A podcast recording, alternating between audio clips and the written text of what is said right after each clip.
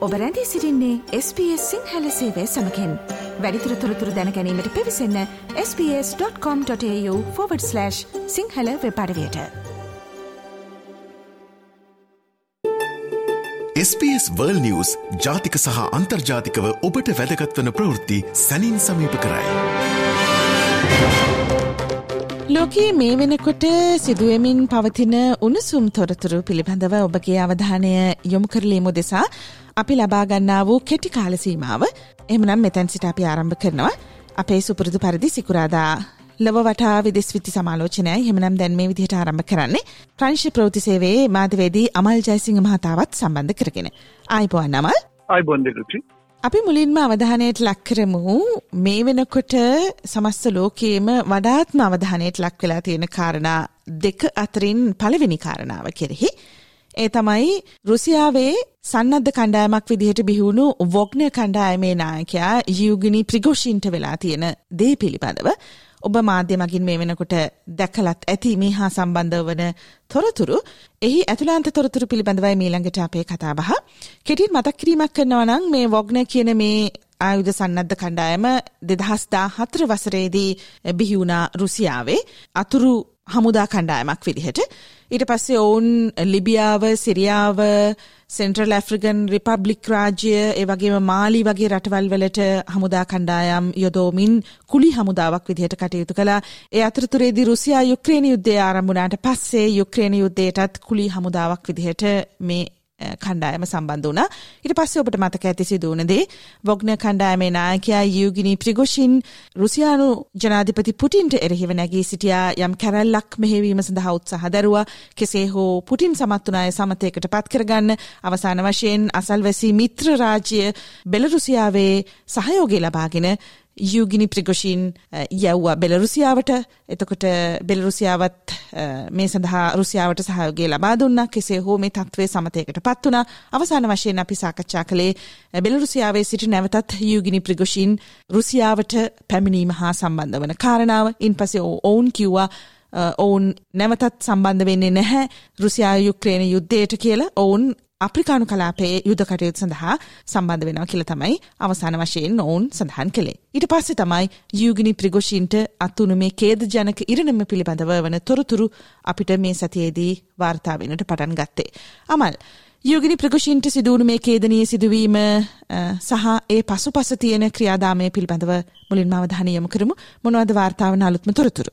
දිලුක්ෂි මේ ප්‍රගසින් උත්සාහ කල්ලා තියෙනවා මොස්කව් නුවර ඉඳලා සෙන් පීටර්ස්බර්ග් නුවරට ගුවනින් ගමන් කරන්නට මේක පැයක විතර ගුවන් කාලයක් දැනට වාර්තා වෙලා තියෙන විදිහට ඔහුගේ පෞද්ගලික ජෙට්යානය ගුවන් ගත වෙලා විනාඩි පහලවක් විතර යනකොට රේඩා පතරින් එක ඉවත් වෙලා බොහෝ විට යම්කිසි ප්‍රහාරයකට ලක් වෙලා මේ ගුවන්යානය කඩා වැටනයි කියලා තමයි දැනට වාර්තා වෙන්නේ. ඉතින් මෙතනදී ප්‍රගොසින්ගේ කණ්ඩායම චෝදනා කල්ලා තියෙනවා රුසියානු හමුදා බටපිරිස් විසින් ගුවන් යානා නාශක අවි පාවිච්චි කරලා ප්‍රගොසින්ගේ පෞද්ගලික ජෙට්යානය බිම හෙළුවයි කියලා.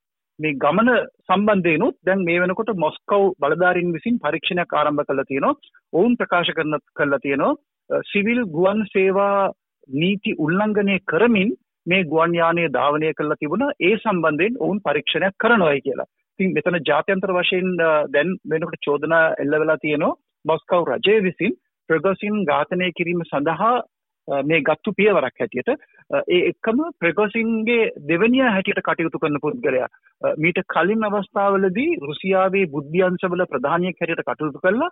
පසුව ප්‍රගසින් සමඟ සම්බන්ධ වෙලා ඔහුගේ දෙවනිය හැටියට කටයුතු කරපු දිමිත්‍රි යුට්කින් කියන පුද්ගලයාත් මේ ගුවන්යානයේ අර දස දෙන අතර හිටියයි කියලා සඳහන් වෙනවා. ඉතින් ඒ කියන්නේ මේ ප්‍රගොසින්ගේ වොග්ම මේ සංවිධානයේ නොම්බර එක සහ දෙක කියන පුද්ගලයන් දෙදෙනම දැන් ජීවිතක්ෂයට පත් වෙලා තියෙනවා. මේ සංවිධානයට මොකක් වෙයිද කියන තැනට පත් වෙලා තියෙනවා. ඒ ගුවන්යානයේ හිටපු 10 දෙනා අතර එක් කාන්තාවක් හිටියත් කියලා වාර්තා වෙනවා. ඇය මේ ගුවන් යානයේ ගුවන් සේවිකාවක් හැටියට කටයුතු කරපු පුද්ගලෙක් ඇයට අමතරව තව ගුවන් නියමුවන් දෙදෙනෙකුත් මේ ගුවන් යානයේ ඉඳලා තියෙනවා. අනිකුත් අය ප්‍රගොසින්ගේ ආරක්ෂක බටයන් හැටියට තමයි හඳුන්වලා තියෙන්නේ මුළු සංඛ්‍යාව. 10 දෙනයි ඒ එක්කම මේ ගුවන් යානයේ කඩා වැටෙන ආකාරය පිළිබඳ වීඩියෝ පටත් ඇවිල්ලා තියෙනවා. ඒවායෙන් තියෙනවා විනාඩි කී අතරම මේ යානය ප්‍රහාරයකට ලක්වීමෙන් පසුව විනාඩියකට විතර කාලයක් ගත වෙලා තමයි මේ යානය බිමට කඩා වැටිලා පසුව ගින්නකින් විනාශ වෙලා යන්නේ. හොඳයි. ඊළඟට අපි අවධානයට ලක්කරමු ලෝකයේ වැඩිම අවධානය මුවන මීළඟ කාරණය කෙරෙහි ඒ තමයි ඉන්දියාව විසින් ගුවන් ගත කරන ලද චන්ද්‍රයාන් ත්‍රී කියන යානය සාර්ථකවම සඳහි දක්ෂිණද්‍රවයට ගොඩ බැස්වීමේ ඒ ක්‍රියාවලිය පිළිබඳව. ඉතින් මේ සඳහා ලෝකයේ ප්‍රබල රටවල් බොහෝ උත්සාහ දරුවා ඇමරිකාව උත්සාහ දරුවා අසාර්ථක වුණා ඔවුන් සූදානම් කරගෙන හිටිය යානය පුපුරා ගියා ඊට පස්සේ චීනය උත්සාහ කළා රුසියාව මේ මෑතකදී උත්සාහ කළා ලූනා 25 කියන මේ යානය සඳහි දක්ෂිණද්‍රවයට ගොඩබස්වන්න කවුරුත් මීට කලින් මේ ප්‍රදේශයට යානාවක් ගොඩබස්වල නැහැ. ඉතින් මෙයත් ඉතාමත්ම සුවිශේෂී අවස්ථාවක්. අමල් මේ සඳහා ඉන්දියාවේ සම්බන්ධ වුණු පිරිස් මේ ප්‍රයාමය සාර්ථක වීම හා සම්බන්ධ වන තොරතුරු කොයි විදිහෙන්ද වාර්තා වෙන්නේ මේ වෙනකොට? පිලුක්ෂ ඔබ කිව්වා වගේ හඳේ දක්ෂිණ ද්‍රවයට මේ විදිහට යානයක් ගොඩබස්වන්න හැකියවීම ලෝක ඉතිහාසයේ පළවෙනි අවස්ථාව හැටියට සඳහන් වෙනවා. මීට කලින් අවස්ථා දෙකකදී ඉන්දියාව මේ උත්සාහය ගත්තා චන්ද්‍රයාන් 1 සහ 2 කියන ඒ උත්සාහයන් දෙකේදීම ඉන්දියාවට හැකියාවක් ලැබුණේ නැහැ යානය ආරක්ෂිතව හඳේ පෘෂ්ඨය මතට මේක ගෙන එන්නට. නමුත් මේ අවස්ථාවේ ඒ හැකියවීමත් එක්ක වුන් බලාපොරොත්තු වෙනවා.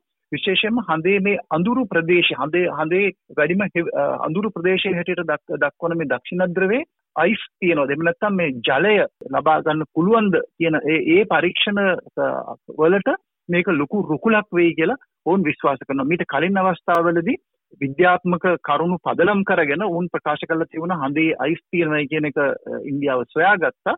නමුත් ඒක දැන් ප්‍රායෝගිකව ඒකේ සාම්පල ලබා ගැනීම සඳහා මේ චන්ද්‍රයාන් තුන වැඩසටහන තුළින් ඔවුන් ලබාගන්නට අපේක්ෂා කරනවා මෙතන දිල්දුක්ෂ තවත් විශේෂ සිදුවීමක් වෙනවා චන්ද්‍රයාන් ගොඩ බැස්වීමට දින කීපයකට කලින් රුසියාව විසින් ගුවන්ගත කරපු ලූනා විසිපහ කියන යානයත් උත්සාහ කරනවා මේ ආසන්න ප්‍රදේශයකම ඔවුන්ගේ යානය ගොඩ බස්වන්නට. නමුත් ඒක අසාර්ථක වෙනවා. ඉතින් මේ රුසියාවේ උත්සාහය අසාර්ථක වෙලා දින තුනකට විතර පස්සේ තමයි මේ විදිහට චන්ද්‍රයාන් 3 කියන යාත්‍රාවට හැකි වෙන්නේ දක්ෂිණ ද්‍රවයේ ගොඩබස්වල පරීක්ෂණ කටයුතු ආරම්භ කිරීම සිද්ධ කරා. තවත් ප්‍රධාන කරුණක් කෙරෙහි සමස්ත ලෝකයේම අවධානය යොමු වෙමින් තියෙනවා ඊයේ දවසේ බ්‍රහස්පතින්දා අපි මේ කතාබහ කරන්නට සූදානම් වන කාරණය සම්බන්ධයෙන් සුවිශේෂී දවසක්. ඔබට මතක ඇති ජපානයේ ෆුකෝෂිබා මේ න්‍යෂ්ටික බලාගාර අනතුර පිළිබඳව. වසර දෙදහස් එකොළහහිදී ඇතිවුණු භූමිකම්පාවත් සමගින් හටගත්ත සුනාමී වාතාවරණය හේතුවෙන් මේ ෆුකෝෂිමාහි මේ න්‍යෂ්ටික බලාගාරයට සිදුවුණු හානියත් එක්කම සම්පූර්ණ වශයෙන්ම න්‍යෂ්ටික බලාගාරයත් ඒ අවට කිලෝමිටර් ගණනාවක ප්‍රදේශයත් අතහැර දමන ලද ප්‍රදේශයක් බවට පත් කලා නම් කලා දැන් අපිට පසුගිය සතියේදී සිට වාර්තාවමින් පැවතුනා මේ න්‍යෂ්ටික බලාගාරයේ තියෙන මේ ජලය මේවා මුහුදට මුදාහැරීම සඳහා සූදානමක් පවතිනවා කියන. ඔබ දන්නවා විකිරණශීලී ද්‍රව්‍ය ජලාශ්‍රිත ප්‍රදේශවලට අතහැර දැම්මට පස්සේ සිදුවන හානිය. හැබැයි ඒ ජලය මුදාහැරීම ඊයේ සිට ආරම්භත් කළා ජපානය විසින්. සමස්ත ලෝකයේම සහ පරිසර සංවිධානවල දැඩි විරෝධතාවක් මේ සඳහා එල්ල වුණා. අමල් දැන් අපිට කොයි විදිහෙන්ද තොරතුරු වාර්තා වෙන්නේ ජපානයේ මොකද කියන්නේ මෙවැනි වූ තත්වයක් යටතේ මේ න්‍යෂ්ටික බලාගාරයෙන් මේ එකතු වුණු මේ ජලය සහිත මේ අපද්‍රව්‍ය මුහුදට නිදහස් කිරීම ඔවුන් කොහොමද සාධාරණීකරණය කරන්නේ. එතකොට මෙය කොයිතරම් අවදානම් තත්වයක් වන වගට තක්සේරු කොහොමද අපිට ලෝකයේ පරිසර සංවිධාන වලින් සහ අනිකුත් බලවත් රාජ්‍ය වලින් දැනගන්නට තියෙන්නේ. ඔදිලක්ෂ මෙතන තියෙන ජලය ප්‍රමාණය ඒ කියන්නේ මේ ෆුකුෂීම න්‍යෂ්ටික බලාගාරය ඒ ඒක ඒකේ උෂ්ණත්වය වැඩි වෙන අවස්ථාවේදී මේ උෂ්ණත්වය පාලනය කිරීම සඳහා ජලය පොම්ප කරා. ඒ ජලය තුලින් මේක සිසිල් කරන්න උත්සාහයක් කළා. නමුත් ඒක සාර්ථක වුණේ නැහැ නමුත් මේ ජලය දැන් මේ ප්‍රදේශයේ එකතු වෙලා තියෙන ප්‍රමාණය ඔවුන් හඳුන්වනවා සාමාන්‍යයෙන් ඔලිම්පික් මට්ටමේ පිහිනුම් තටාක 540ක ධාරිතාව මේ ජල ප්‍රමාණයයි කියලා. ඒතර මේ ජලය තමයි දශක කිහිපයක් ඇතුළතදී පැසිෆික් සාගරයට මුදාහරින්න උත්සාහ කරන්නේ. ඉතින් මේ ජලය දැන් විකිරණ වලින් දූෂණය වෙලා එහෙම නැත්නම් මේ ජලයේ විකිරණ විකිරණ තියෙන නිසා ඒක ජනතාවට අහිත කරයි කියලා ප්‍රකාශ කළාට ජපානය කියනවා මේ ව- මේ ජලයේ තියෙන විකිරණ සම්පූර්ණයෙන්ම වෙන් කර ඉවත් කරලා තමයි ඔවුන්නේ ඉතුරු ජලය පැසිෆික් සාගරයට අ, කොටස් වශයෙන් දසක කීපයක් තුළදී මුදාහරිනට කටයුතු කරන්න කියලා. ඉතින් මේ වෙනකොට ජපානය සඳහන් කරන්නේ ඔවුන් පැසිෆික් සාගරයට මේ විදිහට මුදාහරින ජලයේ අ, මනුෂ්‍යයන්ට හානිකර විකිරණ මේක කිසිවක් නැත අ, මේ ජලය මුහුදට ගියාට පැසිෆික් සාගරයට ගියාට පස්සේ ඒවායේ විකිරණශීලීතාවය සාමාන්‍ය ජලයේ මුහුදු ජලයේ තියෙන විකිරණ වලට වඩා වැඩි වෙන්නේ නැහැයි කියන තර්කයක් ඔවුන් ඉදිරිපත් කළා තියෙනවා. නමුත් මේ තර්කය අසල්වාසී රටවල් අ, පිළිගන්න බවක් පේන්නේ නැහැ. විශේෂයෙන්ම චීනය මේ වෙනකොට ජපානයෙන් ඔවුන් මිලදී ගන්නා සී ෆුඩ් එහෙම නැත්නම් අ, මත්ස්‍ය නිෂ්පාදන අ, ගැනීම දැන් තහනම් කරලා තියෙනවා. අනිකුත් බටහිර රටවලුත් මේ පිළිබඳ අ, අවධානයෙන් ඉන්නවා. චීනයට අමතරව හොංකොං සහ මැකව් කියන ඒ දැන්ටමත් චීන පාලන යටතේ තියෙන ඒ විශේෂ සුවිශේෂී ඒ ප්‍රදේශ දෙක ඔවුනුත් මේ වෙනකොට මේ ජපානයේ මත්ස්‍ය නිෂ්පාදන තහනමකට ලක් කරලා තියෙනවා. නමුත් ජපානය දිගට දිගටම කියනවා අ, ඔවුන්ට මේ ෆුකුෂීමා බලාගාරයේ අවට දැන් රැස් වෙලා තියෙන ඒ අතිවිශාල ජලය මුදාහරින්නේ නැතුව එම ප්‍රදේශය අ, තවදුරටත් පිරිසුදු කිරීමේ කටයුත්ත කරන්න බැරි නිසා තමයි ඔවුන් මේ විදිහට මේ විශාල ජල ප්‍රමාණය කොටස් වශයෙන් මුදාහරින්නට කටයුතු කරන්න කියලා ඒ පිළිබඳ ඔවුන් සහතිකයක් ලබා දීලා තියෙනවා මේක විකිරෙන්න මේ තියෙන විකිරණය වලින් දූෂිතය වෙච්ච ජලය නෙමෙයි මේ අ, මුදාහරින්නේ කියලා. නමුත් පරිසරවේදීන් මේ අවස්ථාවේදී ඒ ජපානයේ දෙන සහතිකය පිළිගන්න අකමැති බවක් තමයි පෙනී ගන්නේ. එමනම් අද දවසේදී මේ ලෝකයේ පුරාම තොරතුරු සාකච්ඡා කරන්න අපිත් එක්ක සම්බන්ධවීම පිළිබඳව ප්‍රංශ ප්‍රෝතිසේවේ මාධ්‍යවේදී අමල් ජයසිංහ මහතාට අපි ස්තුතිය පළ කරනවා. බොහොම ස්තුතියි අමල්. එමනම් අපි යලිත් ලබන සිකුරාදා හමුවෙමු. ආයිබෝවන්. ආර්බන් බුදුක්ෂ.